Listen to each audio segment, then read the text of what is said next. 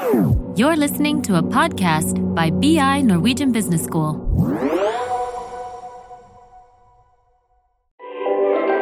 Så da hadde vi fem minutter med, med han, hvor vi sto og pratet bare Marius, jeg og, og han. da. Og det var, en, eh, det var et veldig kult øyeblikk. Jeg husker ingenting av det.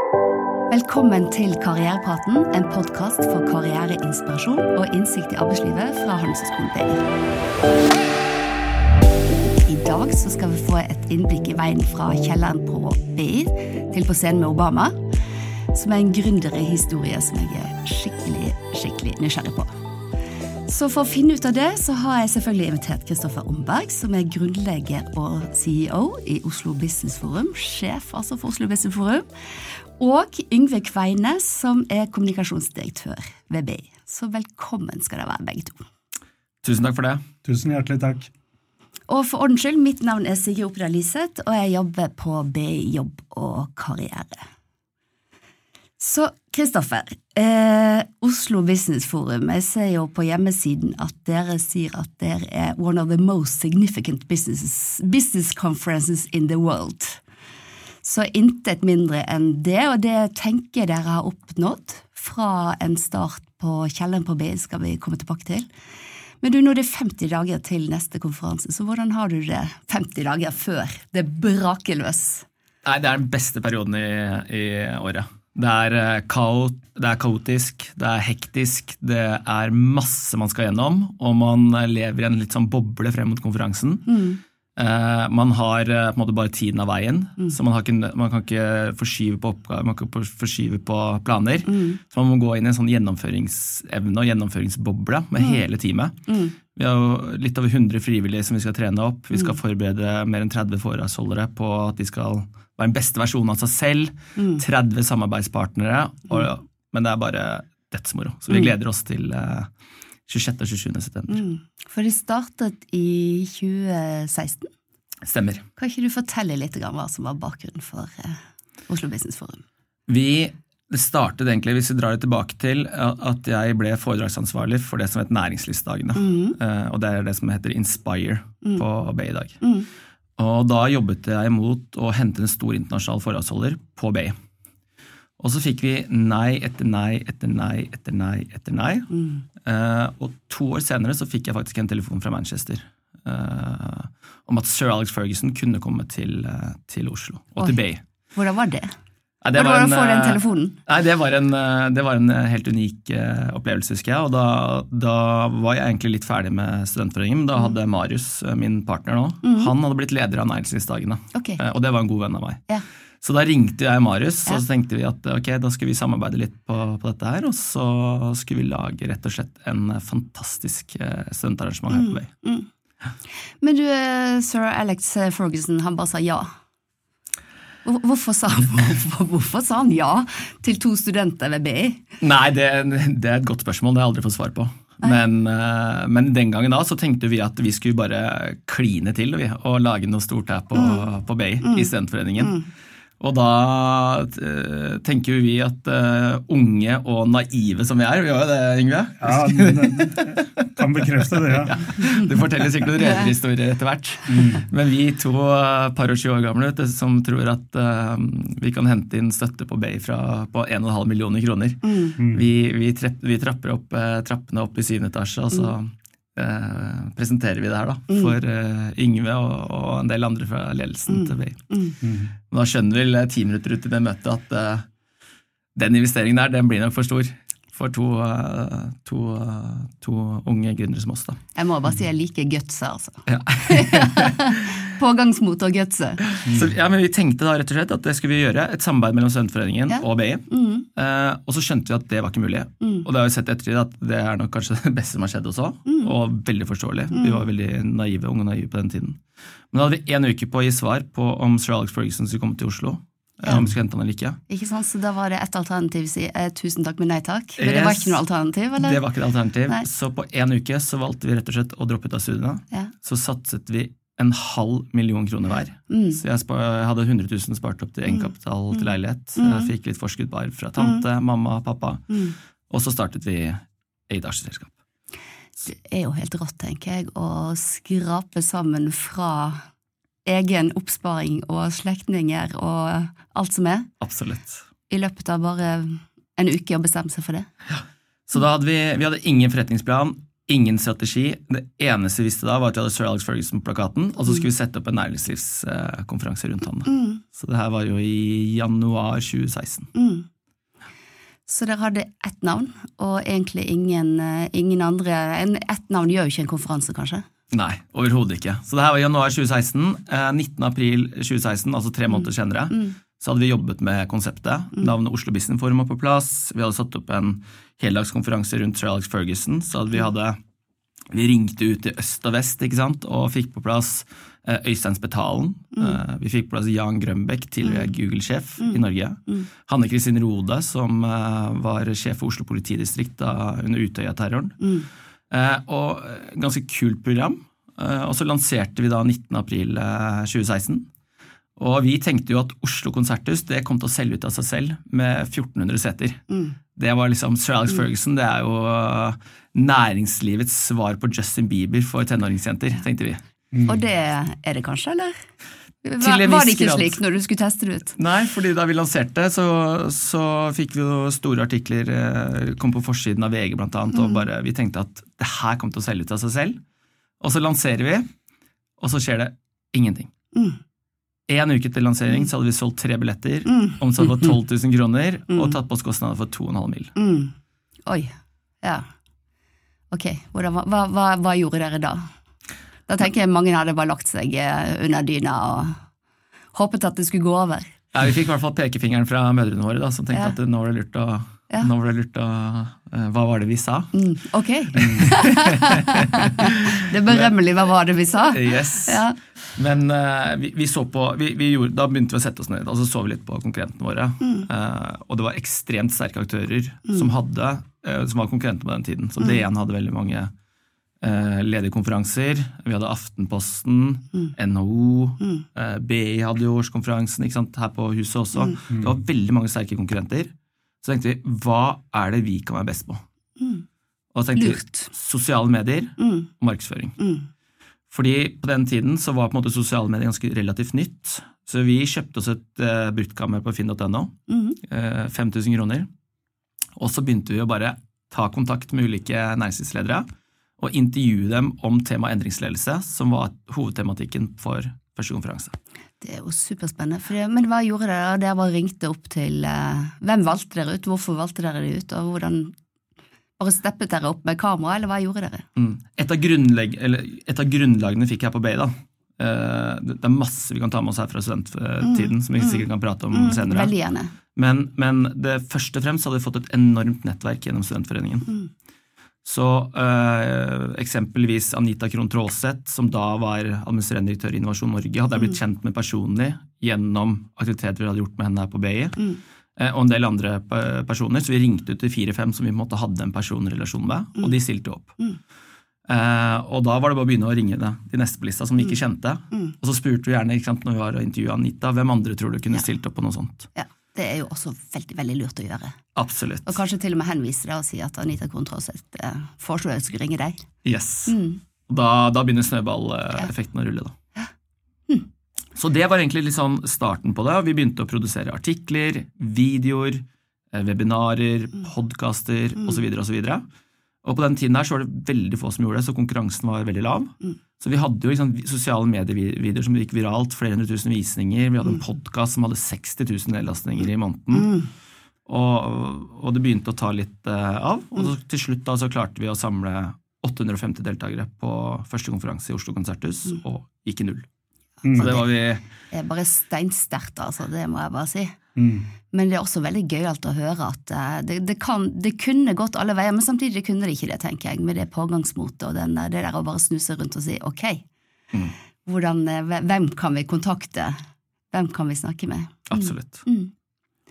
Men Yngve, husker du den tiden? Husker du de to unge studentene som kom eh, gående opp i syvende etasje? Om jeg husker de studentene der, ja. Det skal jeg bare si. Altså, studentkontakt det er jo noe av det aller morsomste og det hyggeligste jeg gjør på BI. Det er derfor vi står opp om morgenen her når vi jobber på BI, for å nettopp ha kontakt med studentene og legge til rette. Og Jeg husker jo Marius eh, Wang og Kristoffer Romberg her. Det var jo et fyrverkeri av e-poster og engasjement og løping opp og ned trapper med den ene sprø ideen etter den andre. Jeg fant fram en e-post her nå før møtet i dag. Jeg, fra, jeg vet ikke om du liker å bli minnet på det? Kristoffer, nå syns jeg du ser litt, litt Ja. eh, nervøs ut her. Nei, jeg, jeg har ingenting med det her å gjøre. tenker Nei, jeg. ok. Det var fra 12.11.2015, og de skulle ha inn um, finansiering av internasjonal foredragsholder, Caitlyn Jenner. Og de mente at det skulle være bra å dra inn Kardashians da, for å skape det mest relevante kvinnekonferansen i Norge og Europa nesten verden. da, ikke sant? Så eh, det var noe greit. Vi fikk fendra unna akkurat den, og så kom dere Ja, for med du Alex. syns ikke det var sånn kjempegod idé? Nei, det var litt sånn ja, Jeg er litt på sida, men historien har kanskje vist at dere var inne og hadde veldig teft, da. Så det skal jeg bare si. Og så kom det flere ideer, og så tenkte jeg vet du hva, nå må vi samle sammen folk i ledelsen så vi står samla bak der. Så vi møtte jo mannsterke og kvinnesterke opp, vi, og dere kom inn og presenterte. Jeg husker det at dere blåste oss alle av banen. Og så var det vel CFO-en, da, Marius Eriksen, som spurte til slutt da, hvor mye koster det her. da? Nei, det er bare 1,5 million. da. Bare 1,5 million, Ja, ja. og kanskje pluss, pluss, pluss. Og så skal vi... Og så tror jeg vi avslutta Dere sensa kanskje konklusjonen hvor det her skulle gå, og så avslutta vi møtet på en høflig måte, selvfølgelig. Men så gikk dere ut av rommet, så hadde vi hva er dette for noe? og det er jo kjempekult om de får det til, men BI var ikke moden for det på den tida heller. ikke sant? Og så satt man og tenkte ja, ok, men hvis dette ikke går, da, så skal du knekke studentøkonomien mange år framover. Så jeg tror vi ga en tilbakemelding kjempefint. Dere er fantastiske folk, skyhøye ambisjoner. Dere kommer sikkert til å nå langt, men dette må dere nesten gjøre utafor BI. Jeg tenker jo det kanskje var en riktig konklusjon for både BI og for dere, Kristoffer. 100 Ikke Ikke, min villeste fantasi. Hvis jeg hadde vært i Yngve sine sko eller BI sine sko, hadde jeg latt uh, to, toårsjåringer eh, dri drive ned eh, studentøkonomien. Og det morsomme nå er jo at eh, Oslo Business Forum og BI er inngått partnerskap, så jeg tenker at eh, Ja. eh, noen år etterpå så ser vi ikke sant, hvordan eh, den er toveis. eh, Kanskje det, det at man eh, gir hverandre kompetanse. Så nå er det dere som gir kompetanse tilbake igjen, og jeg tenker at BI i sin tid ga dere kompetanse gjennom Eller dere kunne skaffe dere kompetanse, tror jeg jeg skal si, gjennom Studentforeningen. Absolutt. Jeg kan jo bare skyte inn det at det, noe av det vakreste jeg ser også, er jo nettopp bedrifter som skapes gjennom denne berømmelige kjelleren, hvor det var tidligere, og som det for så vidt er nå også med den startup-laben, og det man prøver å legge til rette for her med BI, eh, med den infrastrukturen, med faglige lokaler, så folk faktisk får prøve seg og lykkes og bomme. ikke sant? Og du ser jo altså masse fantastiske bedrifter som har kommet ut av denne kjelleren. Så ingenting gjør meg mer stolt av det. Og det var Håkon Hauglie som sa på innovasjonstalen sin at uh, Norge har ikke en gründer for mye. Så vi er kjempestolte av dere og alle andre som, uh, som faktisk klarer å skape merverdi for samfunnet på den måten. Mm. Men det må jeg bare gi litt skryt over òg. vi startet jo fra, på, på, fra kjelleren på Bay. Så da vi begynte å jobbe med dette, her, var i januar 2016, så fikk vi en kontorplass på kjelleren. Så vi satt jo der i hele 2016. Vi fikk ikke bare en kontorplass, men vi fikk, vi fikk mentorer, vi fikk hjelp, vi fikk bistand, vi fikk rådgivning eh, osv. Og, så videre. og dette her har blitt profesjonalisert til 1000 siden jeg og Marius gikk ut av, eh, av, eh, av BI. Men det er liksom sånn, en oppfordring jeg vil ha da, til studentene, er at man må ta i bruk de hjelpemidlene man har her. Fordi BI har så mange fantastiske tilbud. Enten om det er å engasjere seg i studentforeningen, om det er å prøve seg som gründer eh, gjennom den, eh, den akseleratoren, eller hva enn det er. Så man må prøve å kaste seg litt opp, eh, ut i det. Fordi jeg ser at det er veldig mange som er veldig bekvemme, som går gjennom et løp, flinke på skolen, og det er kjempebra å gå gjennom dette her. Men det å prøve å engasjere seg et hakk ekstra.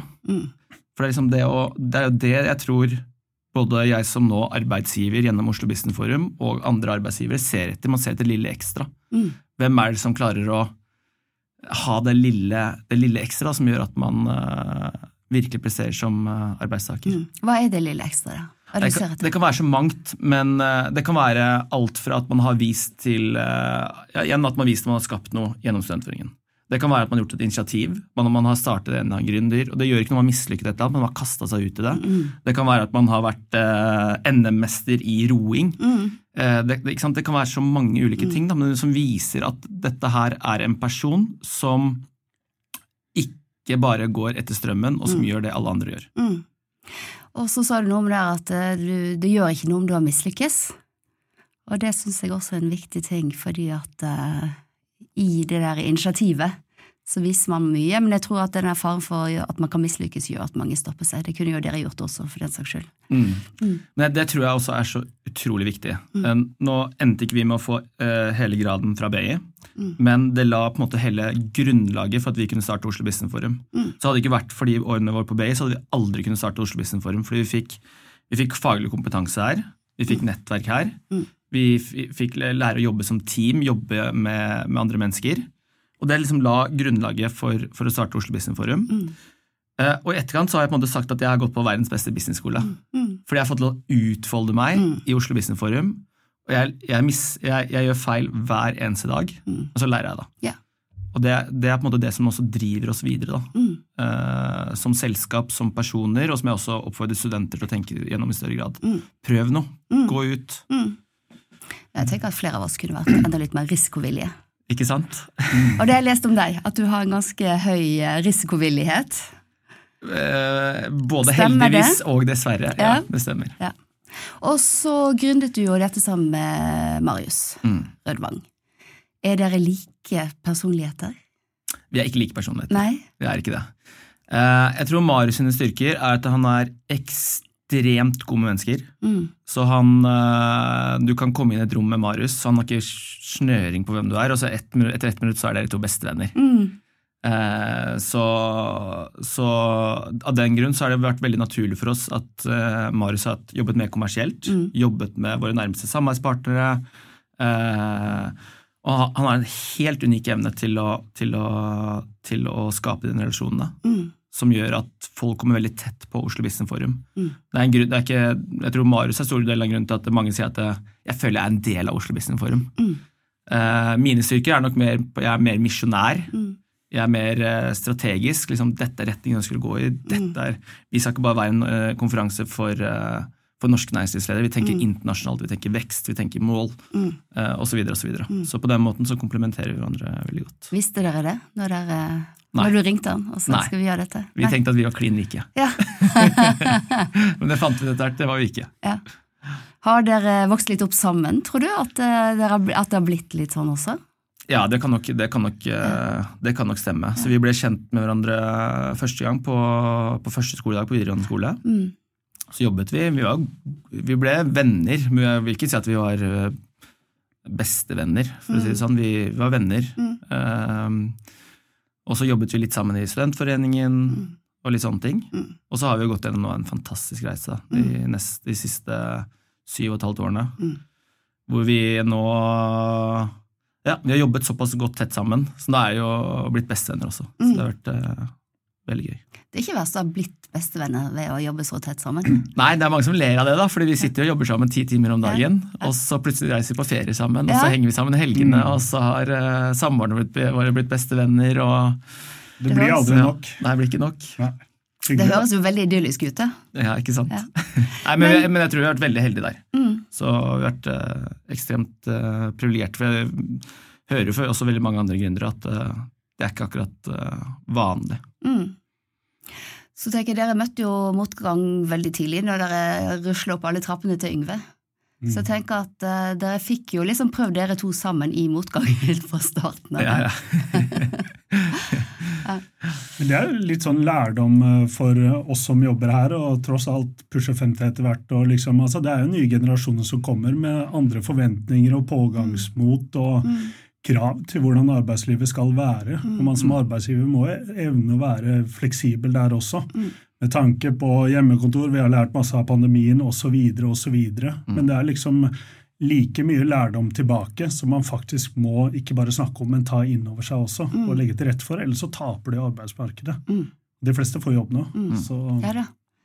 Det er helt riktig. Så det at vi eh, er fleksible og følger med, mm. det er viktig, Yngve. Mm. Eh, Vi har jo snakket litt om Ferguson, men dere har jo hatt mange jeg må si, imponerende rekke foredragsholdere dere har hatt. Og du sa du visste ikke helt hvorfor Ferguson sa ja. Skal jeg- Men skal jeg det er jo et eller annet dere gjør som gjør at dere får veldig store navn. Det, det var litt morsomt da. Hypotesen min er at det, han sa ja på bakgrunn av faktisk BI-navnet på starten. For det var- en henvendelse fra Studentforeningen for BI, men det er jo, man får jo nettopp en drahjelp av det, det enorme mm, merkevaren som BI har. Mm. Så det tror jeg var med å bidra. Mm. En liten fun fact der var jo at eh, jeg tror ikke det helt gikk opp for Sir Alex Ferguson at det var vi som var arrangører, før egentlig lunsjen. Mm. Lunsjen under konferansen, så, så rett før lunsjen starter, så han skal være med på en lunsj da, med 50 eksklusivt uh, inviterte næringslivsledere. Så der er jo Spetalen, tidligere sentralbanksjef Øystein Olsen, tidligere Moods of Norway, gründer Simen Stålnakke osv. osv. Og da møter vi Sir Alex Ferguson i inngangen, og han liksom gir oss handshake veldig hyggelig.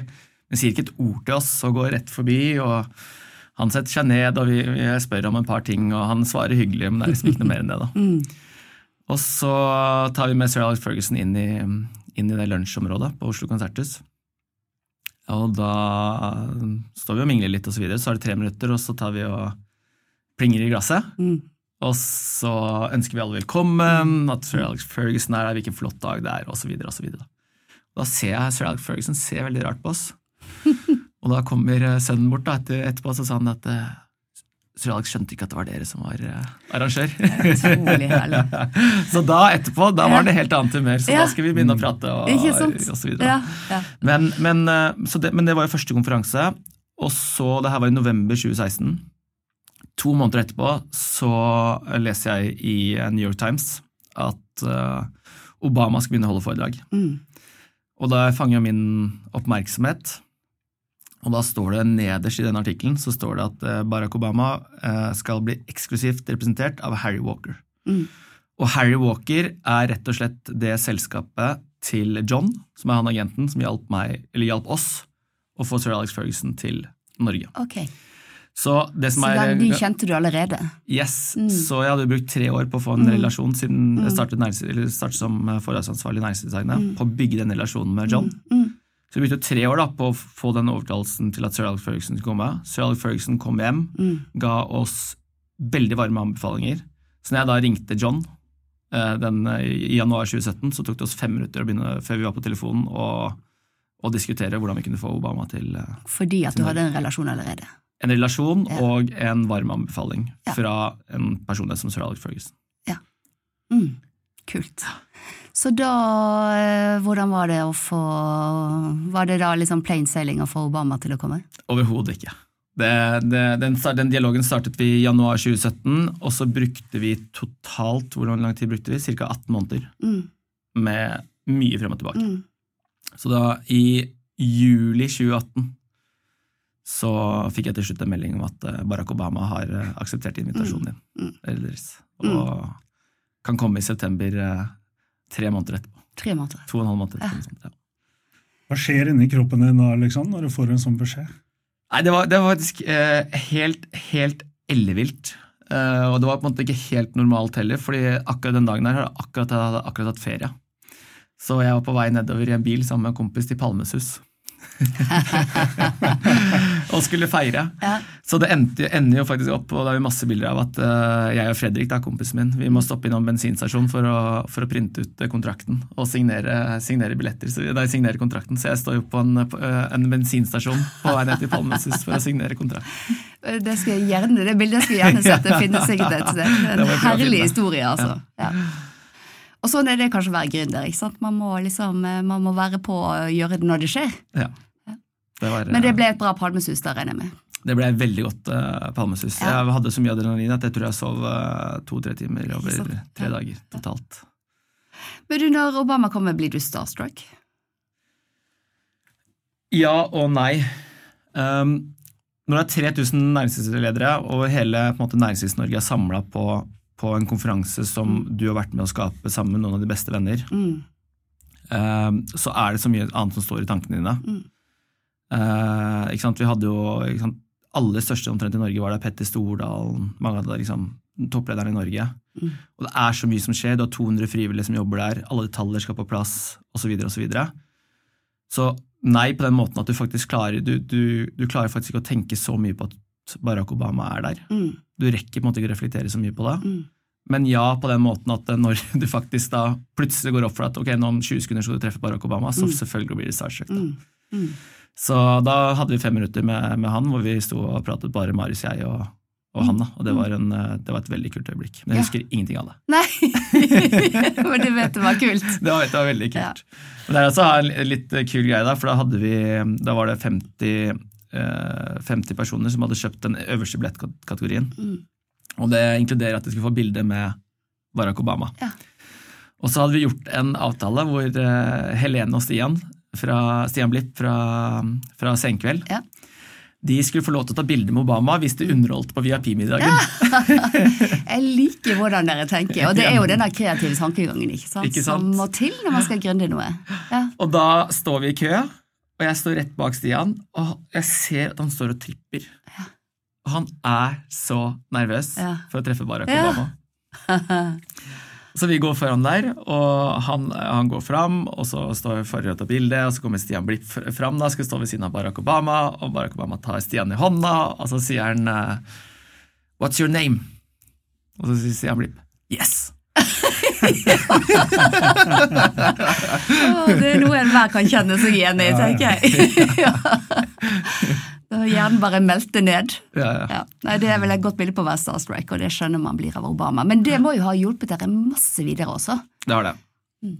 Det har vært en, eh, en eh, enorm merkevareeffekt. Mm. Eh, Så vi har jo, på godt og vondt egentlig, ble, blitt kjent, ble veldig godt kjent i- gjennom det. Det har hjulpet oss å hente inn mange foredragsholdere senere også. Mm. Uh, og når jeg sier på godt og vondt, så er det også litt vondt, fordi man sliter noen ganger å, å bli kvitt den merkelappen, hvis du kan, Mm. hvis du kan skjønne det. Vi, vi ønsker å bli fremstilt som uh, en årlig næringslivskonferanse som alle næringslivsledere er nødt til å delta på, fordi faglig innhold er bra, det er den beste nettverkingsarenaen, uh, og det er en opplevelse å være der.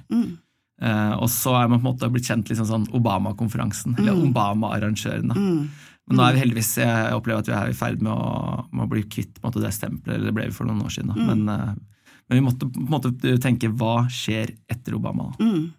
Og det hører jeg jo at dere er supergode på å være sånn bevisst og forstå sånne ting, da, ikke sant? Og si at det der, det skal vi komme oss videre fra.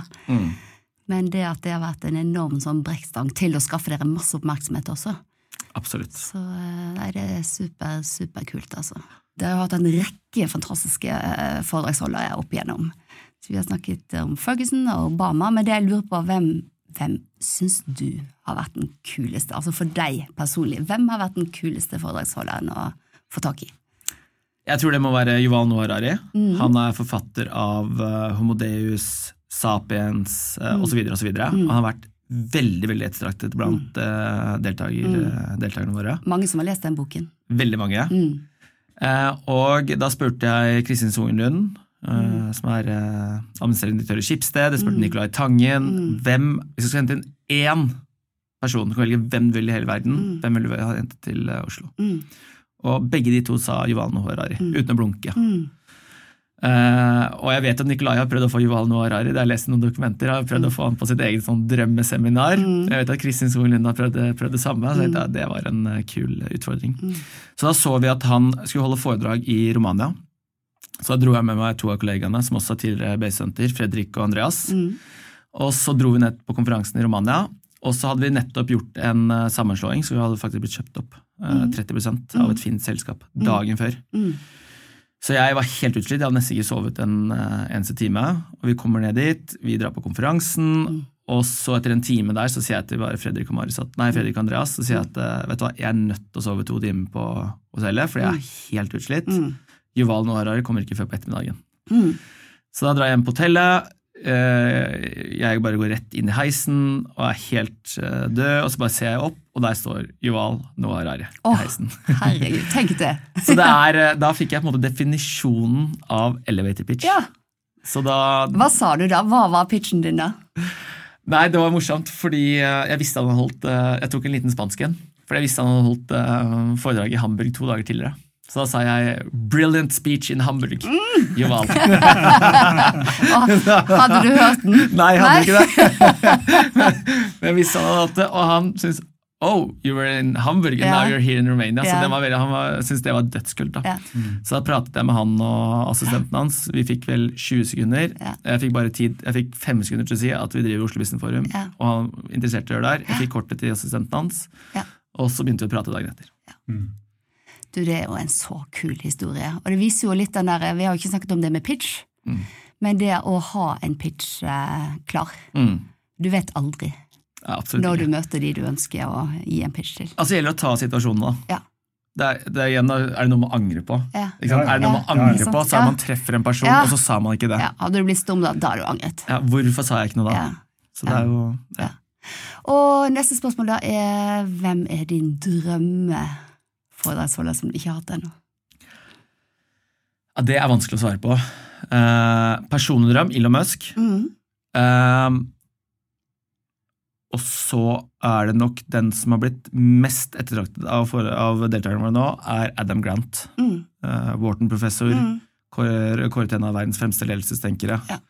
Og så utrolig, skriver utrolig mange bra bøker, blant annet Think Again, som Mm. Ja anbefales Som uh, også har blitt lest og bør leses av mange. Yes, Så det er boktips også Ja, til uh, alle der ute. Ja. Men uh, det også hadde vært en drøm, og der ser vi han er nok vår nye Juval, da, som vi håper å få plass til Oslo Business. Forum en dag. Det er jeg ganske sikker på, Kristoffer, at dere får til. Det håper vi òg. Er det slik at folk kommer igjen år etter år? Veldig mange gjør det. Ja. Uh, og vi har en veldig dedikert og For det første så har vi 30 samarbeidspartnere Mm. som virkelig er samarbeidspartnere. Mm. Og BE har vi nevnt. BE er jo en av dem. Eh, vi samarbeider veldig tett med Yngve, Birte, Mette og han, veldig mange her her på BI Mm. som er med og, og bygger og hjelper oss å bygge opp uh, Oslo Business Forum. Mm. Eh, så mange av dem er med år etter år etter år etter år. Eh, og så har vi jeg tror det er ca. 60 da, av deltakerne hvert eneste år som, som kjøper billetta til, Mm. til året etter. Mm. Så en god, Jeg tenker at det er utrolig bra. Altså. ja, er god kundebase som holder seg. Kjempegod sånn eh, gjentagende at de, at de ønsker å komme tilbake. Det er det beste kvalitetsstempelet, tenker jeg, med Absolutt. ledere i en travel tid. Absolutt. Mm. Og så har jeg jo sett Du, var litt inne på det der liksom, Det er nesten at jeg føler at det er sånn Oslo Business Forum-familie, på en måte. Fordi at eh, det rekrutterer jo mye studenter fra BI. Mm. Sånn at eh, jeg ser jo, jeg som jobber på karrieresenteret i Marse Sever, ikke som har fått masse verdifull erfaring gjennom å være med og arrangere hos dere. Mm. Det Har det vært noe sånn bevisst, eller hva, liksom, kan ikke du si litt om det der eh, samarbeidet der fremdeles med studentforeningen på BI? 100% Og det har vært helt avgjørende for at Oslo Business Forum er det vi er i dag. Mm. Og det kommer litt av, tror jeg, at Marius og jeg var jo da engasjert i det som næringslivsdagene der, Mm. og fikk så mye verdifull erfaring, Mm. og fikk testa oss ut. Hvordan er det å jobbe med mennesker? Mm. Eh, Hvordan er det å utøve dette her i praksis? Mm. Og så videre og så videre. Så vi begynte egentlig det samarbeidet fra dag én, Mm. eh, og har vært så heldige og privilegerte at vi har fått så mange flinke studenter på BI som jobber frivillig på Oslo Business Forum i dagene, og uten det hadde vi ikke vært noen ting. Mm. Eh, og vi har eh, Nå er det vel 100-150 frivillige Mm. som deltar på Oslo Business Forum, primært fra BI, som jobber med alt fra å håndtere alle foredragsholderne som kommer, Mm. til sosial markedsføring, kommunikasjon, PR osv., til å håndtere alle samarbeidspartnerne våre, til å jobbe med alle logistikken der, til å jobbe med alle kundeopplevelsene. Eh, og de er på en måte alle de eh, studentene som jobber hos oss eh, under dagene, de er på en måte førstelinjen til oss. Mm. Så det er de som representerer Oslo Business Forum under dagene. Mm. Jeg treffer jo ikke mange av når det er 2500 deltakere på konferansen. Mm. Jeg treffer jo ikke 2500 deltakere, jeg treffer kanskje 50 eller 100. Eh, Så de er i førstelinje. Det er de som er med på å skape den opplevelsen. Og når vi ringer ut etter konferansen til alle deltakerne våre, så spør vi liksom sånn hvor, eh, Hei, hvordan eh, var du fornøyd med Oslo Business Forum i år? Så er det nesten utelukkende det alle deltakerne trekker frem, Mm. er den fantastiske opplevelsen som studentene er skape. Mm. Eh, og det tror jeg er veldig viktig og avgjørende. Jeg tror vi får, det er først og fremst vi får veldig stor verdi ut av det. Og så tror jeg også studentene får en enorm verdi ut av det. Ja, det kan du underskrive på. Ikke jo hvor mye de lærer seg eh, gjennom det. De får prøvd seg på veldig mange forskjellige arenaer, så jeg tenker at det er en kjempefin ordning. Mm, det er det. Så vi snakket litt om det at nå er jo faktisk eh, Oslo Business Forum og BI partnere. Mm. Hva, kan ikke du si litt om det, Yngve? Jo, det kan jeg si. BI eh, jobber jo hardt for å bygge en sterk merkevare. og Vi driver jo med to ting primært, og det er forskning og undervisning. Og så har vi støtteaktiviteter som bygger opp under det. Så BE er jo uhyre kresne på hvem vi velger å assosiere oss med. Det er det ingen tvil om. Og det er jo klart at uh, Nå har vi kjent disse gutta fra lenge. De er jo BE-alumni også, men det er jo ikke noe carte blanche til å skulle samarbeide med BE, Så man må jo bevise sin uh, verdi, da. Og det vi ser da gjennom den profesjonaliteten dere har vist gjennom så mange år, er at BE er tjent med å være med på et samarbeid med dere. Og I første omgang så er det den positive assosieringa, og så er det jo Dere har jo hatt eh, sikkert mange hundre studenter innom som får prøve seg, og mange er jo ansatt i selskapet deres også, både som frivillige og ansatte. Og så er det det med vår forskningsformidling. ikke sant? Vi har fabelaktige forskere som skal, og vi skal ha ut deres resultater og kunnskap ut i offentligheten. Og det er klart at når det kommer så store scener, både til stede på arrangementer med 3000 næringslivsledere, som du nevnte, men også den infrastrukturen dere har ut, så gir det oss en stor merverdi til å kunne fremme våre fremste faglige på en god måte. Så det er de viktigste grunnene til at vi er samarbeidspartner med dere. Mm. Det er ganske kult, eh, tenker jeg, Kristoffer, at eh, som sagt, dere begynte her eh, i kjelleren på BI. Det er det også i dag, det har jeg lyst til å si, for du sa litt om det også, det har blitt enda mer profesjonelt mm. siden dere var her. Mm. Så det der å få hjelp i en sånn gründerfase, ikke sant, få snakket med noen gode mentorer, det sa jo du også at dere har hatt, det har vi hjelp til for BI-studenter. Mm. Vi har det heter BI Startup Lab. Mm tror jeg. Stemmer det, Yngve? Helt riktig. Og eh, for de som ikke skulle være BI-studenter som hører på, så finnes det også mange som er flinke, som har gründet selv. Så det er veldig veldig lurt å gjøre det som dere har gjort masse av også, hører jeg. Ta opp telefonen, ring folk, snakk med folk. Ja, absolutt. Og, og igjen, da vi snakket litt om det i stad, så det er et fantastisk tilbud der på BI. Mm. Så bruk det. Mm. Og så litt sånn bare ta en prat, da. Mm. Eh, hør hva, hva, er dette her for noe. Mm. Jeg har kanskje ikke en idé om å, mm. om å endre verden, ikke sant? men det er jo mm. ikke det. 99,9% av de som starter selskap, har jo ikke en uh, har jo ikke produkter eller en tjeneste som skal, som skal, endre verden på noe vis. Ikke sant? De kan gjøre små inkrementelle mm. endringer som har lyst til å skape noe, eller man har lyst til å teste seg. Uh, så, så, det oppfordrer jeg alle studenter, uavhengig av om man er på BI eller ikke, til å utforske mer. da. Ja, Så slår det meg, nå er jeg 45, som jeg er inne på i stad, og så har man jo som menneske drømmer og ambisjoner i livet. Og hva er tida di? Tida di er nå. Så liksom alle har noen mål, noen tanker, noen ideer du skal prøve å nå. Men hvis du da blir oppi åra og aldri har evna eller prøvd å sette i gang Det er ikke farlig å sette i gang. Det er ikke farlig å feile. Det er bra å feile. ikke sant? Så dere er glimrende eksempler på det også andre. Så jeg tror at uh, et viktig og godt råd er å sette i gang nå. Tida di er nå, altså. Plutselig har bare tida gått, og det sier jo alle folk uh, på slutten av livet. Hva skulle du ha gjort? Du angrer aldri på det du gjorde, du angrer alltid bare på det du ikke gjorde. Men så er det når er momentet ditt? Mm. Er det noe du angrer på, Ingve? Ikke så mye. det gidder jeg ikke ta her, i hvert fall.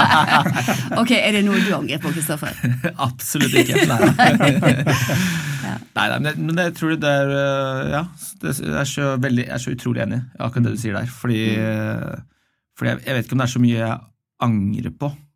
Men det er så utrolig mye man skulle gjort annerledes, mm. som man tenker tilbake på. Mm. Men da, da, men vi ta, da må ta, liksom, ta, det som læring, ta det som mm. utvikling. Mm. Jo, det, det jeg angrer Jeg angrer jo på alt jeg ikke har gjort. Mm. At du ikke har satt i gang tidligere med de drømmene og prosjektene og det du har klart å realisere, tross alt. Mm. Men så går du tilbake og ser på deg selv som 15-åring, 18-åring, 25-åring og kan være fornøyd med noe du fikk til, mm. men jammen misfornøyd med at du ikke skjønte da kraften. Mm. Og det å være student og det å være ung, da har du rom for å feile. Mm. Det er det jeg sier til studentforeningene også, og de som prøver seg. Hør her, snakker du med presse, gjør det andre Det er ikke dødsfarlig, det er ikke dødsviktig. Du har rommet til å kunne gjøre litt feil. Mm. Ikke sant? Har du en flåsete kommentar i VG eller andre ting, altså Du blir tilgitt. Det blir mm. glemt. Et sjokk varer jo ca. 48 timer, og så lengter man etter neste sjokk. Så det er jo ikke Det ødelegger deg ikke. Det gjør deg sterkere, det bygger deg.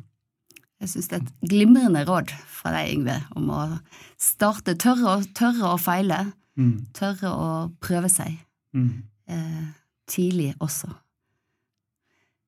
Du da, Kristoffer, har du noen råd til BI-studenter eller BI-alumni eller andre som har lyst til å gründe noe, starte noe?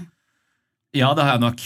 Um, jeg, ville, jeg, jeg tror at studenttiden Så ser jeg tilbake på mitt liv da, når jeg er 30 år. Ser jeg tilbake på mine 30 år, hva var den beste tiden i mitt liv? Det var studietiden. Mm. Uten tvil. Mm. Fra jeg startet her på BI til vi gikk ut. Og det er så mange ganger i etterkant jeg har savnet det studielivet. Mm. Fordi man har en enorm frihet.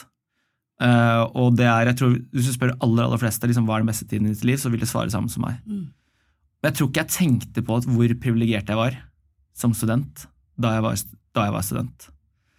Så hvis jeg skal, hvis jeg skal gi noen råd, så er det nyte den tiden Mm. som student. Mm. Det privileg- privilegiet man har da. Og to, så ville jeg vært øh, mye mer aktiv. Tatt mye mer initiativ. Gjør det bra på skolen og alt det der, men, men vær aktiv. Det er liksom ikke så nøye. Det er ikke nødvendigvis om du får A eller B Mm. som avgjør om du får en øh, skikkelig bra karriere, men engasjer deg. Gjør noe. Uh, kast ut i det. Om det er å få en deltidsjobb, om det er å være aktiv i studentforeningen, om det er å gründe noe, eller om det er å være idrett, eller hva enn det er. Kast deg ut i noe. Um, jeg tenker i hvert fall de to tingene som jeg ville anbefalt studenter i dag. Da. Det synes jeg er en nydelig oppfordring som som jeg støtter 100 Så eh, til alle unge studenter, eh, engasjer dere, bli med på det dere kan. Det er en fantastisk eh, læringsarena. Og ha det gøy. Og ha det gøy, Yes. ikke minst. Mm. Og det har jeg hatt, så tusen takk for praten, eh, begge to. Hyggelig å være her. Takk for at du kom. Med.